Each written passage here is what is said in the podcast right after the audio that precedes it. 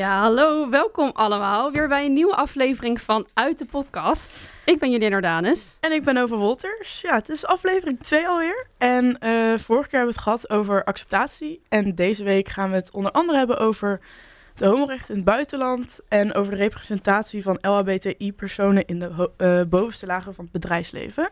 En we gaan het vandaag hebben over Paarse Vrijdag. Ik heb er heel veel zin in. We hebben weer heel veel leuke dingen voor jullie in petto. En we hebben een nieuwe rubriek, daarover later meer. Heb jij er zin in, Nova? Ja, ik heb er zeker zin in. We hebben veel leuke dingen voorbereid. En we hebben ook ons redactielid Wouter in de studio. Welkom, Wouter. Dankjewel. Uh, Wouter, jij sprak deze week met Eva Kukier. Zij is Rusland-correspondent en schrijft voor onder andere het NRC. Klopt. Helaas kon zij niet live te gast zijn in onze podcast, maar je hebt haar wel gesproken. Ja. Waar heb je het met haar over gehad? Nou ja, ik las dus uh, op de NOS dat uh, er een nieuwe wet komt in Rusland. En uh, ik was er eigenlijk wel heel erg nieuwsgierig naar. En het Russisch parlement heeft opnieuw een wet aangenomen die het verspreiden van informatie over homoseksualiteit en biseksualiteit verbiedt. het is dus in Rusland al bijna tien jaar wettelijk niet toegestaan om deze informatie te delen met minderjarigen. en het parlement heeft er nu dus voor gekozen dat de homopropagandawet uit 2013 wordt uitgebreid naar alle leeftijden. Dat was een beetje de invalshoek. Ja, ik vind het best wel bizar om te horen. Het lijkt mij dat dit best wel behoorlijk wat impact heeft. Ja. Wat zijn nu dan de gevolgen voor de LHBTI-community in Rusland nu de wetswijziging is ingesteld? Nou ja, Eva vertelde mij uh, dat het zoals in Ierland uh, de LHBTI-communities in de grote steden, uh, dat ze, dat daar, die zijn daar meer aanwezig dan in de kleine steden bijvoorbeeld. dat kan je een beetje vergelijken met in Amsterdam is bijvoorbeeld misschien iets meer geaccepteerd dan in een boerendorpje in Overijssel. Ik eh, noem maar wat. ja. Volgens mij best wel een grote stad, maar... Ja, nou, oh, sorry. uh, maar door de wetten worden dus uh, hun rechten steeds verder inbeperkt. Door deze nieuwe wet, sorry. Um, maar kan je dan ook misschien een voorbeeld geven waar dit dan in terug uh, te zien is? Ja, Eva vertelde mij dus ook dat het steeds moeilijker wordt voor de community in Rusland om met elkaar in contact te komen. Um, ook om informatie te krijgen over bijvoorbeeld geaardheid of wat ze moeten doen. Denk dan aan bijvoorbeeld gezondheidszorg. Um, en een deel van de groepen gaat nu ook gewoon zeker ondergronds. Dus er zijn um, online zijn er een soort van praatgroepen, dus dat gaat via Telegram. Um, maar er zijn dus al een paar praatgroepen opgeheven. en andere ja, chatkanalen gaan dus wel door, maar die gaan dan andere namen gebruiken of uh, andere titels. Ja, ik vind het ja. best wel heftig. Ik weet niet, ik kan me dat echt niet voorstellen. In Nederland in ieder geval zou zou me dat echt niet kunnen voorstellen. Nee, nee. Ik las ook ergens dat deze wet um, ook wordt gebruikt als een bliksemafleider voor de oorlog. Ja, uh, ja. Hoe zit dit dan? Nou ja, het is een bijeffect is dat de regering op deze manier een soort van uh, vijandbeeld creëert. Uh, door de oorlog ontstaat er binnenlandse verdeeldheid en bepaalde groepen buitensluiten en daar dan de aandacht op vestigen. dat is dan eigenlijk ook een manier om de aandacht af te leiden van belangrijke nationale en internationale zaken. En zoals is, de oorlog. Ja, en is die wet er nu dan ook helemaal doorheen? Ja, uh, president Poetin heeft afgelopen maandag 5 december uh, ondertekend. Dus, uh, en uit onderzoek blijkt ook dat Rusland onder meer een transnationaal netwerk van anti-LHBTI-organisaties ondersteunt. Um, en een van de belangrijkste spelers in dat netwerk is de World Congress of Families, het WCF. En deze is van origine, uh, de Amerikaanse organisatie werd in 1995 opgericht om deze christelijke conservatieve ideeën over het gezin en de bijbehorende anti-LHBTI en anti-abortuspunten wereldwijd aan de man te brengen. Uh, dus we kunnen er eigenlijk wel van uitgaan dat het voor de LHBTI-community in Rusland er zeker niet makkelijker op gaat worden. Oké, okay, heftig. Dankjewel Wouter. Het onderzoek dat je net aanhaalde heb je ook verwerkt in een artikel. Dit is vanmiddag terug te lezen op svmedia.nl. En uh, Poetin is dan ook best wel een conservatieve leider. En in Italië is nu ook een nieuwe conservatieve premier, namelijk de eerste vrouwelijke, uh, Meloni. En zij heeft zich dus ook negatief uitgesproken over de LHBT-gemeenschap. Ja, en Nova, jij hebt hier over Eveline Redmeijer gesproken. Zij is voormalig uh, Italië-correspondent en zij maakt nu voor BNR de Italië-podcast.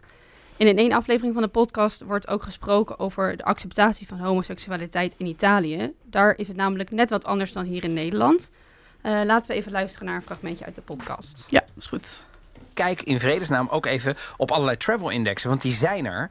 Um, ook een beetje omdat ik bang ben om dan een advies te geven. Uh, dadelijk pakt het helemaal verkeerd uit. Er staat hier straks heel laag in die, in die Spartacus. Maar wat zegt die, uh, nou, daar, die eindigt, ranking? daar eindigt Italië op een veertigste plek als het gaat om gay-vriendelijkheid. Op de wereld? Uh, ja, ja. Of en even ter vergelijking, nee, ter wereld. Even ter vergelijking. Nederland deelt een derde plek met België, Denemarken, Frankrijk, Finland, Ja, Duitsland, ja, IJsland, ja. Nieuw-Zeeland, Noorwegen, Spanje, Groot-Brittannië en Siamo avanti. Siamo avanti. Maar dus- Ja, dus- maar Italië dus Nou, eh, loopt achter, kunnen ja, we gewoon. Vaticaanstad staat nog lager, dat zal je niet verbazen. Terwijl Overigens, over, zijn er best wel veel Als- gays binnen het Vaticaan. Plek 40 staat Italië, dus dat is best wel laag. Ja, ik vind dat ook echt wel verschil met Nederland. Wij staan dus op een gedeelde derde plek. Eh, jij sprak dus met eh, haar. Hoe komt het dat Italië zo laag staat? Heeft zij daar een verklaring voor? Ja, ehm, hierover heb ik dus gesproken met Eveline Redmeijer. En ehm, Italië is best wel ja, een heel erg katholiek land. En zoals ik al noemde, hebben ze dus een eh, conservatieve premier. En zij vertelde mij dat het Vaticaan, dat is het hoofd van de katholieke kerk in Italië, dat is eh, een aparte staat, maar het heeft toch heel veel invloed op de Italiaanse politiek en cultuur. En daar is homoseksualiteit, of, nou ja, eigenlijk bijna elke alternatieve vorm van relaties en families nog nauwelijks geaccepteerd. En dat merk je daar dus ook heel erg in de acceptatie van homo's. Dat dat land, ja, dat, dat loopt gewoon echt achter. En, ehm, maar ze vertelde dus wel dat eh, er een verschil was tussen het zuiden en het noorden. In het zuiden wordt namelijk nog eh, veel minder geaccepteerd. Maar zoals in eh Milaan is het wel echt eh, niet meer het geval dat ehm, ja, ze niet worden geaccepteerd. Dat komt misschien ook een beetje omdat het land, ja, stad van de mode is. Is het dan ook een beetje net als eh, wat Eva zei, dat er in de grote steden meer acceptatie is? Ja, dat zei ehm Eveline dus ook, dat het echt, echt per stad en dorp verschilt. En Rome is dan natuurlijk, omdat het Vaticaan daar ligt, ehm, dat het echt wel achterloopt. Maar Milaan, daar is dus al best wel ver in de acceptatie. Ja, Ehm, Ik vind het eigenlijk wel bijzonder dat in een land eh, in Europa, wat ook nog bij de EU hoort, in de huidige tijd eigenlijk nog zo achterloopt op de rest. Of in ieder geval delen van het land. ja, ik vond dat dus ook best wel raar, maar ehm, dat gaf ik ook bij haar aan, van hoe kan dat dan? Maar ze had daar best wel een logische verklaring voor. Nou, logisch, ik vind het zelf niet logisch, maar als je erover nadenkt, ehm, het is een land wat altijd conservatieve leiders heeft gehad. En ehm, ja, wat betreft Meloni is dan, dan ook geen uitzondering. De Italiaanse politie weet in wat voor land ze campagne gaan voeren. En dat een groot deel van hun ehm, bevolking katholiek en conservatief is. Dus ja, je gaat dan niet roepen dat je opkomt voor ehm gayrechten. ehm, want ja, dan ga je ook gewoon niet winnen. Ja. En daarnaast zei Eveline ook dat, ja, met, dat ze met deze nieuwe premier niet echt terug de geschiedenis ingaan. Maar dat ze misschien wel stil blijven staan wat betreft Ja. de acceptatie. Dus het, de acceptatie gaat ook niet meer worden. Terwijl de andere landen in Europa juist wel vooruit gaan. Ja. Ja, ik ben eigenlijk wel blij dat ik dan eh, in Nederland woon en eh, niet in Italië. Mijn gevoel is de acceptatie hier toch wel vrij hoog, maar er blijken ook nog wel wat uitzonderingen te zijn. Veel mensen vergeten namelijk de roze ouderen. Dit zijn ouderen die behoren tot de queer gemeenschap. En vaak worden zij over het hoofd gezien en daarom is onze verslaggever Maggie Leegstra op pad gegaan. Veel roze ouderen hebben in hun leven al een lange weg afgelegd naar acceptatie. Wanneer zij op oudere leeftijd bijvoorbeeld komen te wonen in een zorginstelling, is niet alleen het verpleegd worden ingrijpend. Vaak wordt hun geaardheid namelijk niet gezien binnen de zorginstelling en hierdoor gaan zij vaak de kast weer in. Nicole van Namen, oprichter van de campagne Oud Roze Gewoon Liefde voor Iedereen, vertelt waarom. Dat komt omdat zij eh, het gevoel hebben niet zichzelf te kunnen zijn. Een groot deel van de groep in ieder geval. We weten dat 30% van deze groep dat zo ervaart. En er is sprake van pesten, buitensluiting. Dat maakt dat deze mensen een isolement ingaan en een verborgen leven leiden. En deze verborgen pijn, die willen wij graag bespreekbaar maken. En dat hebben we gedaan door op verschillende plekken in de stad liftenroze te maken als kast. Dus je moet de roze kast in, wil je naar de derde etage. En je moet er ook weer uit als je daar aangekomen bent waar je moet zijn. In de lift hangt dan het verhaal en de verwijzing naar de website van de Handen van Humanitas. De campagne komt voort uit Stichting Humanitas. Het doel van de campagne is om geld op te halen en zo workshops te bieden aan medewerkers op de vloer. Het is heel moeilijk voor die collega's om zich staande te houden, verbaal staande te houden.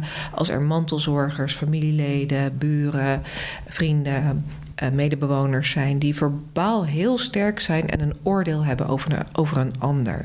En hoe ga je nou toch op een goede manier dat gesprek aan waar je iedereen recht doet? Want iedereen mag gehoord worden. Ellen van Efferen werkt al 26 jaar als activiteitenbegeleider in een verpleeghuis in Den Haag. Zij is het volkomen eens met Nicole van Namen. Ik ben zelf in een uh, situatie geweest dat een uh, meneer mij in vertrouwen nam en vertelde dat hij uh, homofiel was en dat zijn hele leven voor iedereen verborgen had gehouden. En hij wilde niet dat ik het met iemand daarover sprak. Hij had een neef en die was er ook niet van op de hoogte.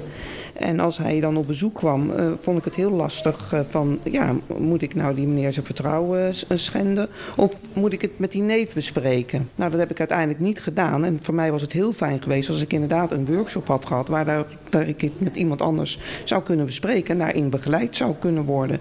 Dat had ik heel fijn gevonden. Wat zou u een goede oplossing vinden om uh, dit meer bespreekbaar te maken? Ik ben het volkomen eens met mevrouw Van Namen. En ik denk dat het, uh, waar ik werk in uh, verpleeghuis, daar hebben we leefstijlgroepen. En dan heb je Indische mensen bij elkaar, religieuze mensen bij elkaar. En waarom zijn er niet de mensen, de, zeg maar lesbiennes en, en homofielen die bij elkaar in een leefstijlgroep leven? Zodat ze zichzelf ook veilig en geborgen voelen. Nou, om te beginnen is deze campagne ja, door ons bedacht en uitgevoerd uitgevoerd. Dus we beginnen natuurlijk gewoon bij ons. Maar als andere organisaties daar interesse in hebben, dan zeker kunnen zij contact opnemen, ons benaderen. En dan kijken we hoe we dat kunnen uit, uitrollen. Er zijn verschillende manieren om een steentje bij te dragen aan de campagne Oud Roze Gewoon Liefde voor Iedereen. En mocht u in Rotterdam zijn, vergeet dan geen speciale roze koek te halen bij Bakker Klootwijk. Al het opgehaalde geld gaat direct naar de stichting. Ja, ik vind het wel bizar hoor. Want uh, ja. kijk, je hebt natuurlijk pestgedrag op middelbare scholen of basisscholen of wat dan ook. Ja, ja dat dat maar dan dat nog het... op zo'n late leeftijd een soort van een beetje terugkomt. Weer. Ja. Ik had niet verwacht dat ouderen daar zo... Dat dat gebeurt daar überhaupt. Ik vind dat ja. bizar. Nou ja, ik weet wel. Ik heb in de zorg gewerkt 3,5 jaar in, in verpleeghuizen. Um, pestgedrag ken je wel, of dat ze mensen buitensluiten, of dat ze dan ja. ergens koffie zitten te drinken en dat iemand zegt mag ik erbij en dan wordt gewoon letterlijk gezegd nee. Ja, ik, ik heb zelf ook in een verpleeghuis gewerkt en dan komen ze ook een beetje zo tegen mij roddelen van, oh, komt die ja. morgen? En dan denk ik van, ja, je leeft hier. Ja. Maar uh, dat het dan weer een beetje terugkomt. Maar ik heb ook, ja, de, er wordt ook wel best wel vaak gezegd dat je, hoe ouder je wordt, dat je weer een beetje in een kind verandert. Ja, to toch? Maar dat ja. misschien ja, dan ook blijkbaar. een beetje met dit gedrag. Ja. Dat ze weer een beetje gaan pesten. Maar ja, maar ik wist niet over homoseksualiteit in uh, verpleeghuizen. Nee, dat dat uh, dus maar ik wel vind het wel goed zo'n initiatief. En dat ze Ja. dan vertelt over een deur en dat ze dan Ja. uit, in en uit de kast komen. Dat vind Ja. ik wel leuk. Ja en dat bij oudere eh, generaties dus de acceptatie weer een soort van minder is. Terwijl de jongere generaties nu toch eigenlijk zo ver zijn. Ja. Ja, maar ja, vroeger en nu is het natuurlijk ook Ja, wel een beetje een andere die zijn tijd. natuurlijk ook Ja, in ze een zijn een andere hele tijd andere tijd opgegroeid. opgegroeid. En volgens mij, ik denk dat er toen ook gewoon veel minder over gesproken werd. Ook maar dat. ik hoop wel dat dit voor hun nog gaat veranderen. Ik bedoel, iedereen moet zich toch eh, Ja, zichzelf kunnen zijn, ook in een verpleeghuis. Ja, Ja. zeker. eens. Maar goed initiatief. Ja. Eh, we nemen even een break van de serieuze onderwerpen. We gaan namelijk door met onze rubriek luisteraarsvragen. Yes. En voor deze rubriek hebben wij onze Wouter als sidekick bij ons. Hij heeft een aantal vragen verzameld die luisteraars hebben ingestuurd. Ja, dat Ah, klopt. Wouter. Ja, nou Daar ja, ben je dankjewel. weer. Daar ben ik weer. Ik praat gewoon lekker mee. Eh, zijn jullie er klaar voor? Ja, zeker. Vraag Ja? maar raak. Nou, de allereerste vraag die eh, kwam binnen via onze Insta van Milada. En dat was eigenlijk gewoon een hele algemene vraag met hoe is het? Ja, bij mij gaat het eigenlijk goed. wel goed. We Ik- zijn nu eh, in onze laatste week van Go. Dus het is eh, heel gek en heel onwerkelijk. Ja, eigenlijk maar is het onze laatste uitzending. Maar misschien gaan we hier nog wel mee door. wie Ik zou het weet, als er animo voor is. Ik zou het heel leuk vinden om ermee door te gaan. Ja, en we hebben dus ook best wel wat kijkersvragen. Dus volgens mij is er ook wel animo vanuit eh, het publiek. Ja, maar Nova en jij, hoe is het met jou? Ja, prima. Zeker. Ja? Ik, eh, ik, heb er helemaal, ik vind het helemaal leuk. Nou, mooi. Dan gaan we door naar de volgende vraag. En die was... eh, oh, de naam is weggehaald. Excuus. Eh, maar veel mensen weten eigenlijk niet eh, waar de LHBTIQA voor staat. Kunnen jullie dit even uitleggen? Ja, dit hebben we even voor jullie uitgezocht. Het is een afkorting waarbij elke letter staat eigenlijk voor een ander woord. Let goed op, daar komt die. De afkorting staat voor lesbisch, homoseksueel, biseksueel, transgender, intersexe, queer en aseksueel. Nou ja, lesbisch, homoseksueel en biseksueel en transgender, dat kennen de meesten eigenlijk wel. Die letters wist ik ook wel voor die voor stonden.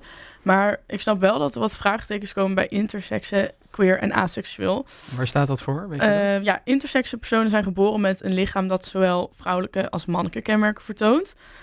Ehm, queer is de term die meestal gebruikt wordt eh, voor iemand die zich niet thuis voelt binnen de ja, heteronormen en de zogenaamde, ja, zogenaamde hokjes. Ja. Mhm.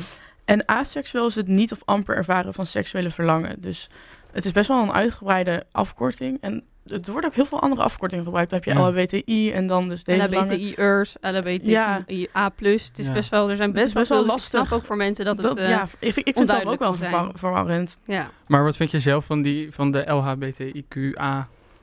Mis ik er nu weer één? Nee. Ja, Nee. ik weet niet eens. Het is volgens mij LHBTIQA+. De Ja. A is er volgens mij laatst nog bijgekomen. Maar Ja. vinden, vinden jullie het zelf prettig?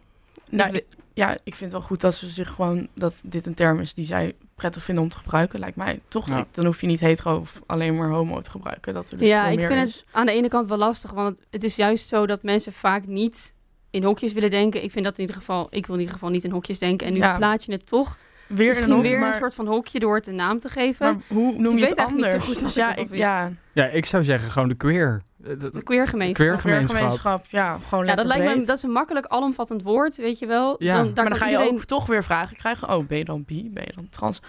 Maar wat maakt dat uit? Ja, nee, dat dat, maakt vind ik, dat maakt mij ook niet uit. Maar eh, nou ja, ja, goed. het blijft een lastig... Ja. blijft een lastig onderwerp. Eh, thanks voor deze uitleg. Ja. Ehm, dan gaan we wel door naar de volgende vraag. Oh, hier staat wel een naam bij. Van eh, Jet. Zij vindt het namelijk lastig hoe je een non-binair persoon moet aanspreken. Ja, dit is ook iets wat ik zelf ook lastig vind. Ik vind het namelijk wel belangrijk om iemand met een goede voornaamwoorden aan te spreken. En ik las dat Nederland sinds 2016 de genderneutrale voornaamwoorden in de taal heeft opgenomen.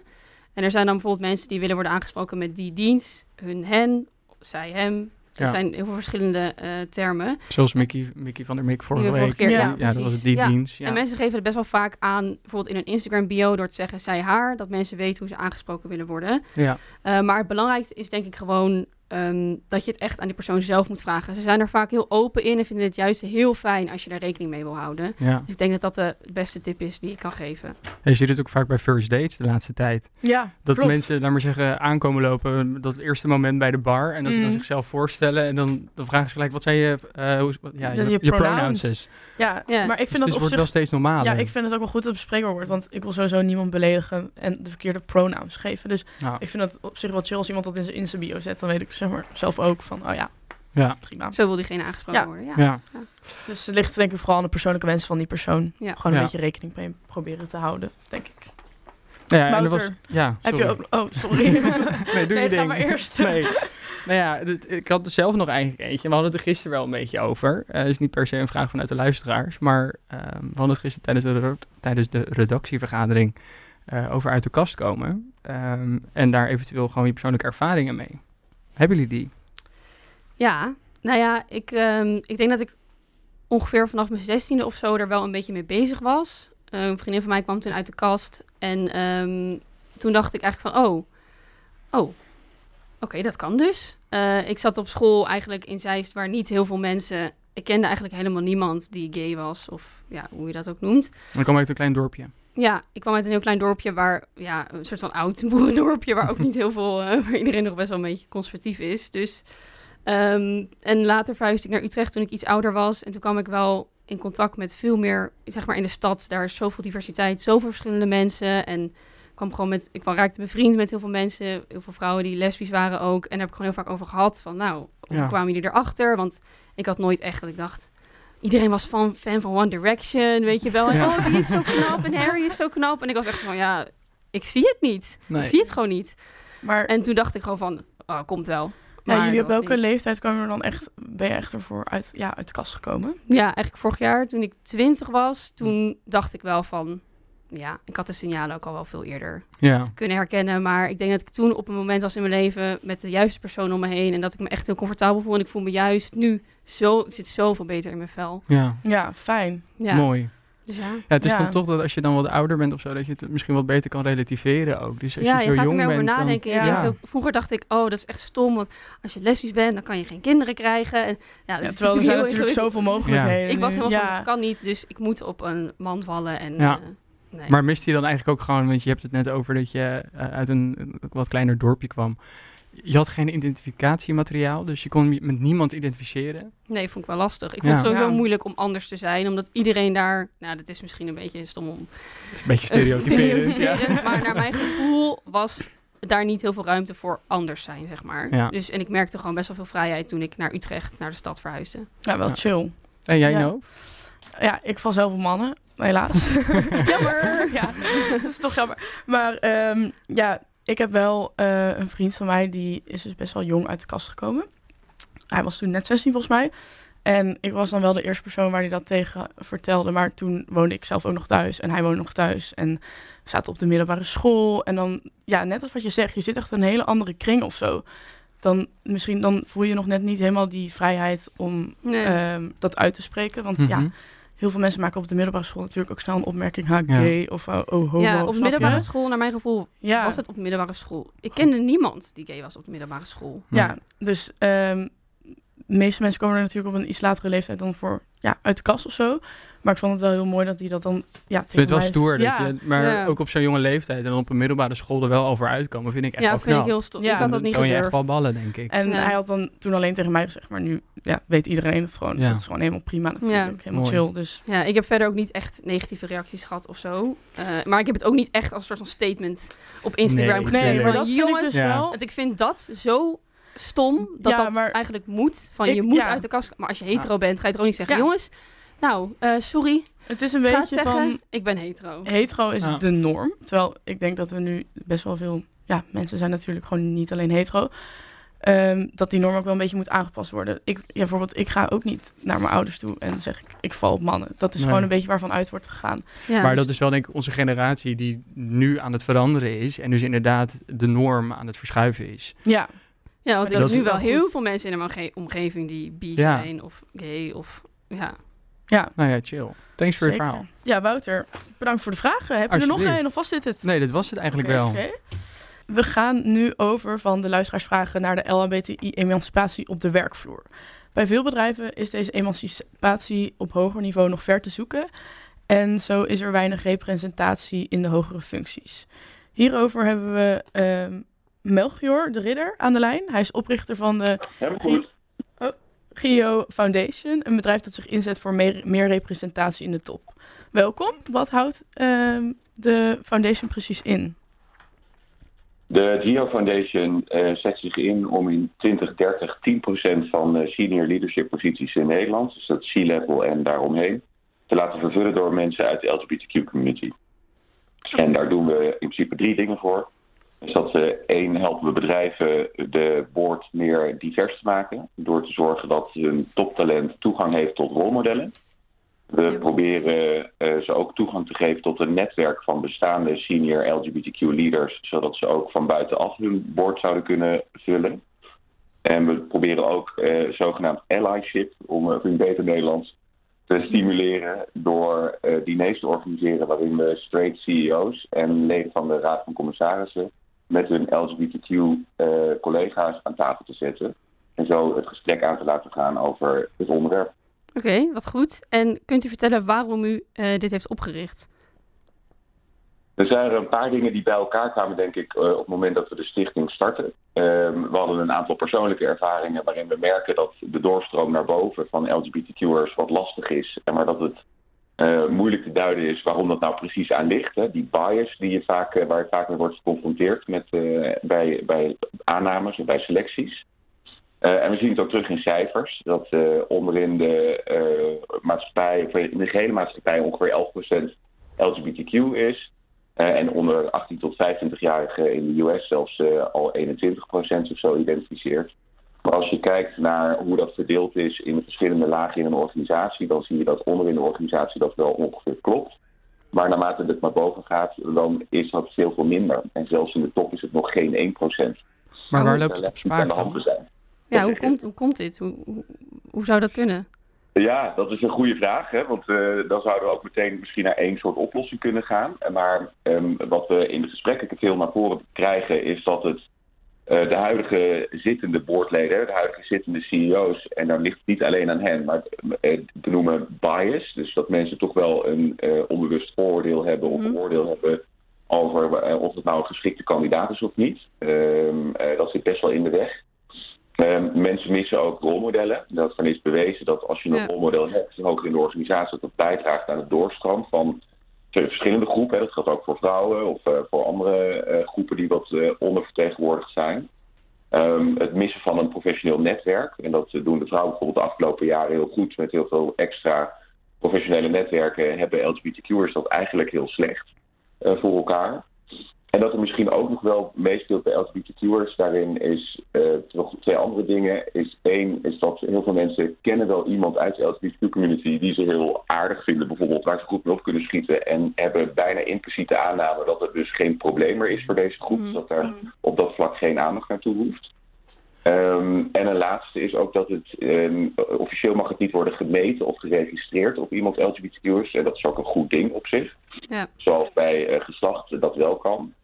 Wat het ook heel plat maakt, maar dan is er ook geen uh, ja, rapportage op. Dan is het ook niet elke week zichtbaar hoe het staat met het aantal LGBTQ'ers in managementposities bijvoorbeeld.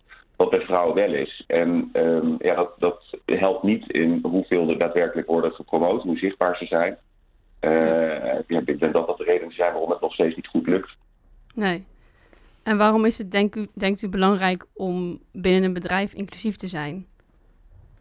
Nou, om inclusief te zijn um, is denk ik de voorwaarde om te zorgen dat diversiteit ook daadwerkelijk uh, loont. Hè? Dus dat je daadwerkelijk het voordeel hebt van verschillende zichtpunten, et cetera. Maar wat je met inclusiviteit ook hebt, is dat je daarmee een werkomgeving creëert uh, die als veilig wordt ervaren waar mensen ook echt voelen dat ze volledig zichzelf kunnen zijn en ook Ja. de dingen kunnen doen zoals zij dat willen. En dat wil je graag, omdat je eh, in veiligheid is een voorwaarde voor mensen om buiten hun comfortzone te kunnen stappen. En eh, alleen als mensen buiten hun comfortzone stappen, kunnen ze innoveren. En innovatie is een vereiste om goed te kunnen presteren als bedrijf. Dus het is eigenlijk een heel logische riedel waarom eh, diversiteit en inclusie zo belangrijk zijn voor, ehm, voor bedrijven. En dat geldt ook in de top. Ja. En u heeft ook een doel opgesteld dat in 2030 10% van de managers op C-level niveau een LHBTIQ achtergrond heeft. Is Ja. dit een reëel doel, denkt u? Ja, dat, en, eh, ik, ja, ik wil graag denken van wel. Hè. Het is ambitieus, dat is het zeker. En het is ook misschien een beetje een knipoog naar het quotum wat we natuurlijk bij vrouwen kennen. Mhm. Eh, wat eigenlijk helaas nodig is, hè, zou ik willen zeggen. Eh, maar wel werkt. Ehm, en 2030 is niet morgen, maar het is ook niet pas een volgende generatie. Dat we dit zouden moeten kunnen realiseren. Mhm. En het is niet dat die mensen er nu nog niet zijn. Het is ook niet dat ze iets niet al capabel zijn of wat dan ook. Het is niet dat we nog een hele generatie LGBTQ's moeten opleiden om die topfuncties te kunnen vervullen. Ja. Dus wat dat betreft zou het realistisch moeten zijn. Alleen er moet nog wel het nodige inzicht worden gecreëerd en eh, aandacht voor worden gevraagd om dat ook daadwerkelijk te bewerkstelligen. Dus misschien is dat vroeg, maar ach, het is, eh, ik hou wel van een beetje ambitie. Maar zijn En- er bijvoorbeeld ook eh, CEO's die gay zijn en er niet voor uitkomen, omdat het misschien nog een te harde business is? Eh, ja, die zijn er. En ehm, eh, ik heb er ook een aantal nog niet ontmoet hoor. Of misschien al wel ontmoet, maar die hebben het mij ook nog niet verteld. Hè. Dat, dat, eh, dat kan ook. Ehm, ik ken er een aantal die open zijn. En ik ken ook een aantal mensen op dat C-level, dus inderdaad in die boards. Ehm, waarvan het niet een geheim is, maar er niet echt voor uitkomen. Zeker niet binnen hun rol. Hè. Dus daarvan weet ik het. Maar die doen daar niks mee, om het even zo te zeggen. Dus die gebruiken hun functie niet. En waarom kiezen ze daarvoor dan? Ja, dat, zijn, dat is moeilijk. Dat is vaak heel persoonlijk voor mensen waarom ze dat niet willen. Ehm, het is, je hoort het denk ik ook wel eens bij, bij anderen. Van je, je wil niet per se gekozen worden omdat je een vrouw bent bijvoorbeeld. Hè. Zo wil je ook niet naar buiten te boek staan als iemand die ergens zit omdat hij een LGBTQ'er is of tot de LGBTQ-community behoort. Vaak zijn dat toch wel een beetje de redenen. Eh, anderen denken ook van ja, het is mij ook gelukt, hè, dus, waarom anders niet. En dan, eh, dat verandert overigens vaak wel hoor, dat zichtspunt.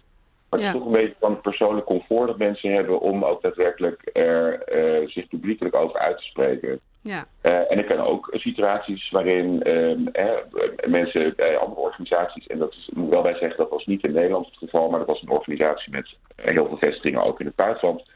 En eh, dat daar in het buitenland mensen ook bewust in de kast blijven. En Ja. ja, dan, dan ben je misschien nog wel verder van huis, eh, in mijn beleving. En ehm, zorgt zo'n quotum er dan niet voor dat mensen worden aangenomen op, gebaseerd op hun geaardheid en niet op hun kwaliteiten? Ja, dat is natuurlijk eh, dat, dat, dat, dat denk ik niet. Ehm, eh, en dat is ook een go- veel gehoorde eh, comment natuurlijk bij het vrouwenquotum. Ja, dan word je aangenomen omdat je vrouw bent. Ehm, nou ja, en misschien, weet je, misschien is het dan een keer zo dat je wordt aangenomen omdat je tot LGBTQ behoort. Mhm. En dat er dan in ieder geval door het bedrijf iets wordt gedaan om je vervolgens heel succesvol in die baan te kunnen laten worden. Ja, precies. maar dat is wel een keer vereist om dat te doorbreken. Eh, om dan daarna zien we ook de effecten dat als mensen eenmaal ergens zitten, hè, dan heb je ja, de, de, de één is geen, het telt eigenlijk een beetje. Je hebt er een paar nodig om dan eigenlijk een soort vliegwiel aan de gang te krijgen, zodat anderen uiteindelijk ook die posities weten te bereiken, dat het veel natuurlijker gaat verlopen. Dus ik denk niet dat het per se daarvoor zal gebeuren. Ik denk wel dat ze daardoor meer worden overwogen. En ook al zou het een keer daardoor gebeuren, dan doorbreekt het hopelijk een keer iets en heeft het eigenlijk wel een positief effect. Ja. Oké, okay, bedankt Melchior voor dit interessante, ja, interessant gesprek. Dankjewel. um, het is morgen ook Paarse Vrijdag. Paarse Vrijdag is de dag waarop scholieren en studenten door het dragen van de kleur paars op hun school solida solidariteit kunnen tonen met LHBTI'ers. Um, ik heb hier daarom ook voor mij de Paarse Vrijdagkrant voor me. Ja, we bladeren heel even door de krant heen. Uh, er zijn heel veel verschillende onderwerpen worden er besproken. Uh, het zijn vooral veel scholieren die eigenlijk hun eigen ervaringen delen. Mm-hmm. um, ik zal even een aantal uh, interessante dingen voorlezen die hier op de eerste pagina staan. Cool. Um, in Europa vindt 57% van de ouders het onprettig wanneer hun kind een relatie zou hebben met een transpersoon. Dat vind ik persoonlijk ja, ik vind dat best wel veel. heftig om te horen. Maar ik, zeg maar, 57%, maar dan zeg je toch ook indirect dat je tegen trans mensen bent, toch? Ja, nou, ja, of ja, ja, ja. Nou ja, waarom? Ja, want ik, ik denk niet dat je dan per se misschien tegen nee, transpersonen maar bent. Mensen zijn maar... er dan, ja, mensen, het is denk ik onbekend voor mensen misschien ja. dat ze zich daarom er oncom oncomfortabel bij voelen. Ja, dat ja, denk ik ook maar wel. ik vind het meer dan helft. Dat is best veel. Ja. Er staat ook dat 30% van de LHBTQ-leerlingen wordt gepest op de middelbare school. Dit is twee keer hoger dan het percentage heteroseksuele leerlingen. En uh, 32% van de lesbische, homoseksuele en biseksuele leerlingen vertelt dit aan niemand op school. Ben jij gepest, als ik vragen mag? Nee, maar ik ben ook niet uit de kast gekomen. Nee, oké. Okay. Dus ik weet, niet, uh, ik weet niet wat er zou gebeurd zijn als ik dat wel op mijn school had gedaan. Ik weet het niet. Nou ja, Misschien wel, ik weet het. Die jongen waar ik het dus net over had, voordat hij uit de kast werd gekomen, werd hij al nou, niet, ja, niet gepest, maar geplaagd met, uh, oh, homo, bla bla. Dus dat is inderdaad misschien dan ook wel iets van, oh, dan kom ik wel niet uit de kast. Ja. Ja, echt iets wat dan op de middelbare school een beetje gaat spelen natuurlijk. Als het dan een negatieve lading heeft. Ja, ja. Het wordt, ja terwijl het is helemaal geen negatieve la lading, maar het mm -hmm. wordt overgebracht ja. met ja. negatieve lading. Nou, dat zeiden we gisteren ook nog, dat homo is natuurlijk ook gewoon een scheldwoord. Een scheldwoord. Ja. Dat, stel, als mensen aan mij vragen, ben je homo? zeg ik, nee, ik ben gay. Ja. Omdat ik gewoon zoiets heb, ik vind homo gewoon echt een kutwoord. Ik vind of, homo ook. Vervelend woord. ja, homo, het klinkt meteen... het klinkt meteen zo een beetje... Zo, ik vind het gewoon het is heel, normaal nog het is een maar hard, zit, hard omdat, woord of ja, zo. mensen gebruiken het gewoon in een harde... Ja, dus uh, ja, negatieve ja, lading. Negatieve lading inderdaad. Ja. Van, oh, ik ben homo of ja, Ja, homo. Ja, Ja. ik weet niet. Dat, maar ja. goed. Maar goed, voor... Morgen Paarse Vrijdag. Ja, Eh, Nou, veel organisaties zijn dus druk bezig geweest om Paarse Vrijdag voor te bereiden. En zo ook de Paarse Vrijdag krant, geschreven voor en door leerlingen. Waarin alles rondom de LHBTIQ aan de bod komt. Op de middelbare school, het Zaanlands Lyceum, zijn de leerlingen van de GSA ook druk in de weer om van Paarse Vrijdag een groot feest te maken. Onze verslaggever Fenne Samuels Brussen maakt hierover een reportage. Paarse Vrijdag komt er weer aan.